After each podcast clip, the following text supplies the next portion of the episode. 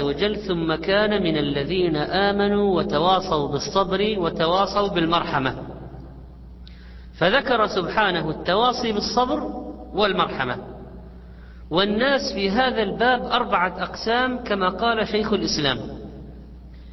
منهم من يكون فيه صبر وقسوة. واحد.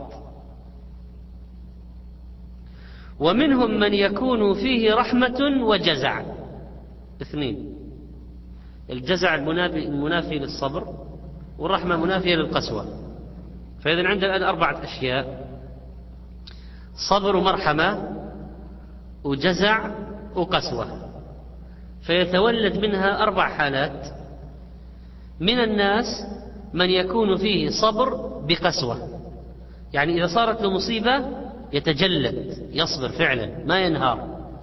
لكن معاملته مع الآخرين فيها قسوة غلظة جلافة شدة. هذه نوعية من البشر موجودة. هو يحمد على صبره لكن لا يحمد على شدته. النوع الثاني يكون في رحمة بجزع. فهو إنسان رقيق القلب حسن المعاملة لطيف المعشر رحيم بالخلق لين هين. وهذا شيء يحمد عليه. لكن إذا أصابته مصيبة ينهار ولا يصبر. يصاب بالجزع فهذا نحمده على إيش؟ على المرحمة التي عنده. ولكن لا نرضى ولا يجوز له أن يرضى بالسخط أو الجزع الانهيار الذي يصيبه عند المصيبة. فعنده رحمة بدون صبر. الثالث من فيه القسوة والجزع. شديد على عباد الله غليظ معهم وإذا أصيب بالمصيبة انهار. وهذه تجد بعض الطواغيت الذين يقتلون يسفكون الدماء لكن لو مات ولده ينهار. فهو لا ما في خير يعني لا من هذه الجهة ولا من هذه الجهة فهو أسوأ الأنواع. والرابع المؤمن المحمود الذي يصبر على ما يصيبه ويرحم الناس وهو الذي قال الله عز وجل فيه ثم كان من الذين آمنوا وتواصوا بالصبر وتواصوا بالمرحمة. صبر يواجه به الأقدار ومرحمة يتعامل فيها مع الخلق.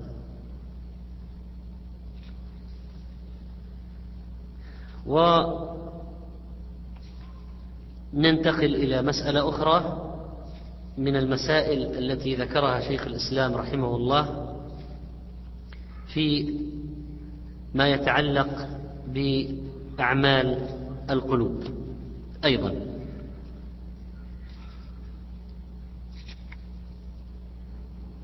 مسألة الاستغناء عن الناس والتعلق بالله والطلب من الله وعدم الطلب من المخلوقين والافتقار إلى الله والالتجاء إلى الله من الأشياء القلبية المهمة وعكسها يؤدي بالإنسان إلى نزول في المستوى وانحدار وانحطاط أيضا. النبي صلى الله عليه وسلم ندب لنا أن نسأل الله ولا نسأل الناس. وإذا أتانا شيء من غير سؤال لنا أن نأخذه. ما أتاك من هذا المال وأنت غير سائل ولا مشرف فخذه وما لا ما ليس بهذه الصفة ولا على هذه الحال فلا تتبعه نفسك. فالمشرف الذي يستشرف بقلبه والسائل الذي يسأل بلسانه. فبعض الناس يتطلع يتطلع إلى ما في أيدي الآخرين. بقلبه يتطلع ولو ما تكلم لكن يتطلع. ولو نظرت إلى عينيه لعرفت أشياء مما في قلبه. وبعض الناس يتجرأ ويسأل بلسانه.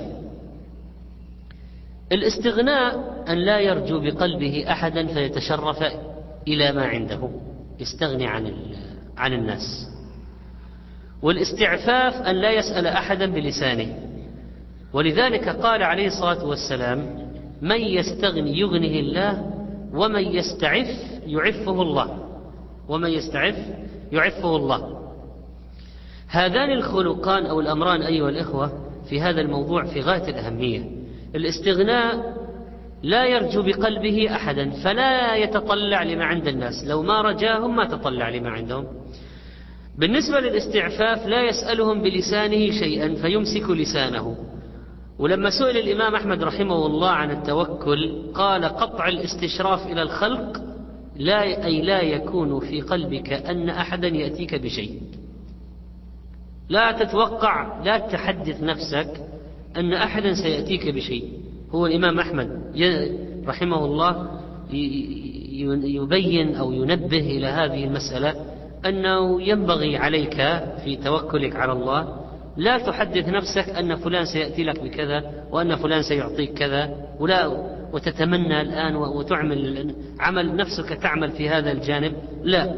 قطع الاستشراف إلى الخلق. وهذا يبين أن العبد في طلب ما ينفعه ودفع ما يضره لا يوجه قلبه إلا إلى الله. ولذلك المكروب من دعاء المكروب يقول لا إله إلا أنت فهو لا يتوجه إلا إلى الله.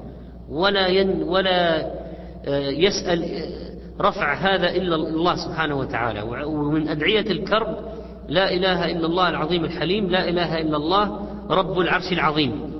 فإذا ينبغي أن الإنسان المسلم لا يسأل المخلوقين وقد يقول قائل طيب نحن لا بد لنا من رزق فالرزق أنا ما أدور على وظيفة أقول هل عندك وظيفة؟ هل هناك مجال لوظيفة؟ ما معنى قضية السؤال؟ وعدم السؤال هنا. ما معنى هذا؟ أما بالنسبة لقضية السؤال فإن هناك سؤالا بدون مقابل منك. فتقول تصدق علي بمال. كما يفعل الشحاذين كما يفعل الشحاذون. فهؤلاء يسألون مالا ولا يعطون مقابل. غير طبعا طالب الوظيفة. الوظيفة لما يقول عندك وظيفة هو ما يسأله ماله بدون مقابل ما يسأل أوساخ الناس. يقول عندك وظيفة أعمل فيها وتعطيني عليها أجرا؟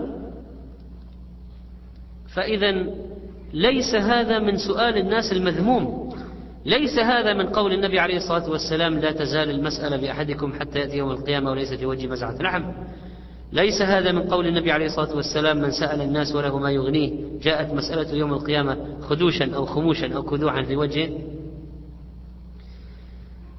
ولذلك فإن التمييز بين سؤال الله سؤال الأشياء التي لا تكون لا يسأل فيها إلا الله والأشياء التي يطلب من الناس الإعانة فيها أمر مهم جدا. كان من استغناء الصحابة عن الناس أن أحدهم إذا سقط صوته لا يقول لشخص ناولني إياه ولو كان على ظهر الدابة. والنزول عن ظهر الدابة فيه مشقة لأنه ينزل والطلوع فيه أيضا. وذاك على الأرض لا يكلفه شيء إذا أعطاه الصوت وقال أعطني إياه لكن حتى لا يحتاج إلى مخلوق ولا يسأل مخلوقا ويرغب إلى ربه فإذا فرغت فانصب وإلى ربك فارغب. وإذا سألت فاسأل الله وإذا استعنت فاستعن بالله. والله قال فابتغوا عند الله الرزق وليس عند الناس. لا تسألوا الناس اسألوا الله سبحانه وتعالى. وقد قال عز وجل في كتابه واسألوا الله من فضله. لا تسألوا الناس اسألوا الله من فضله. هذه القواعد في مسألة أن ما نسأل الناس شيئا بدون مقابل نعطيهم ونأخذ منهم فقط لا نسأل الناس. يقول شيخ الإسلام والإنسان لا بد له من حصول ما يحتاج إليه من الرزق ونحوه ودفع ما يضره. وكلا الأمرين شرع له أن يكون دعاءه لله فله أن يسأل الله ويشتكي إلى الله. كما قال يعقوب إنما أشكو بثي وحزني إلى الله. إنما أشكو بثي وحزني إلى الله. والشكوى إلى الخالق لا تنافي الصبر الجميل. لا تنافي الصبر الجميل. إنما أشكو بثي وحزني إلى الله. ولذلك لو واحد قال في دعائه اللهم لك الحمد وإليك المشتكى إليك المشتكى أشكو إلى الله. فإن هذا الدعاء دعاء طيب. وكلما طمع العبد في فضل الله ورحمته ورجائه أن يقضي الله حاجته ويدفع ضرورته قويت عبوديته وزادت حريته. لكن الطمع في المخلوقين ومد الأيدي للمخلوقين ورجاء المخلوقين يعلق القلب بالمخلوقين ويجعل الإنسان أسيرا لهم ولنعمتهم ويكون لهم المنة, المنة عليه فيكون عبدا من وجه لهؤلاء وتنقص حريته بمقدار ما يسأل الناس. وكل من علق قلبه بالمخلوقات أن ينصروه أو يرزقوه خضع قلبه له. بل تصير له عبودية. لهم في قلبه بمقدار ذلك بمقدار ذلك. والإنسان إذا تعلق قلبه بامرأة ولو كانت مباحة يعني مثل الزوجة يبقى قلبه أسيرا لها تتحكم فيه وتتصرف بما تريد مع أن الظاهر أنه هو سيدها وهو زوجها لكن في الحقيقة هو أسيرها ومملوكها. وهي التي تمشيه وتقوده وتسيره. تحكم من بعد ومن قرب. مع أنه هو زوجها لكن متى صار أسيرا لها؟ لما تعلق قلبه بها تعلقا جعله يفتقر إليها. فإذا وصل لمرحلة عشق وعرفت أنه لا يمكن أن يستغني عنها أقرأ عليه انتهى لا هذا تودع منه من جهة الاستقلالية والحرية واتخاذ القرار. فكيف إذا كان الاستيلاء والاستعباد بشيء محرم كمن عشق امرأة أجنبية أو أمردة فعند ذلك يكون قلبه معلق بهذا الآدمي أو بهذه المرأة ويوجهه يسيره كيف يشاء. اذهب تعال هات اعطي هات مالك تجرد. وأناس كثير في المجتمع يا أخوان قد فقدوا أملاكهم من جراء هذا. جردته المرأة من كل شيء أو جرده المحبوب المعشوق معشوقه جرده من كل ما يملك. أخرجه من بيته وسيارته وأمواله كل شيء.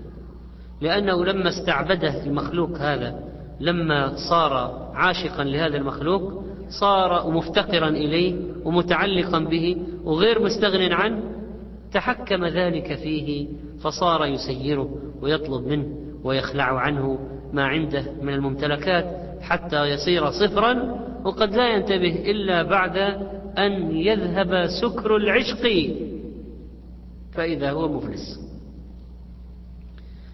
فعبودية القلب وأسره يترتب عليها الثواب والعقاب. يترتب عليها الثواب والعقاب. وربما لو وقع المسلم في أسر كافر لا يحصل له الذل الذي يحصل لمن وقع أسيرا لمعشوق أو معشوقة. لأن ذاك استرقاق الجسد وهذا استرقاق القلب. فالحرية الحقيقية إذن هي حرية القلب والعبودية عبودية القلب كما أن الغنى غنى النفس ليس الغنى عن كثرة العرض وإنما الغنى غنى النفس. ولذلك آه، قضية سؤال المخلوقين ممكن تجر إلى التعلق بهم والتعلق بهم يؤدي إلى أشياء من العبودية لهم والعبودية لهم تجعل الإنسان أسيرا لهؤلاء. ولذلك فإن المسلم ينبغي أن يعلق قلبه بالله ويسأل الله ولا يعلق قلبه بالمخلوقين ولا يسأل المخلوقين.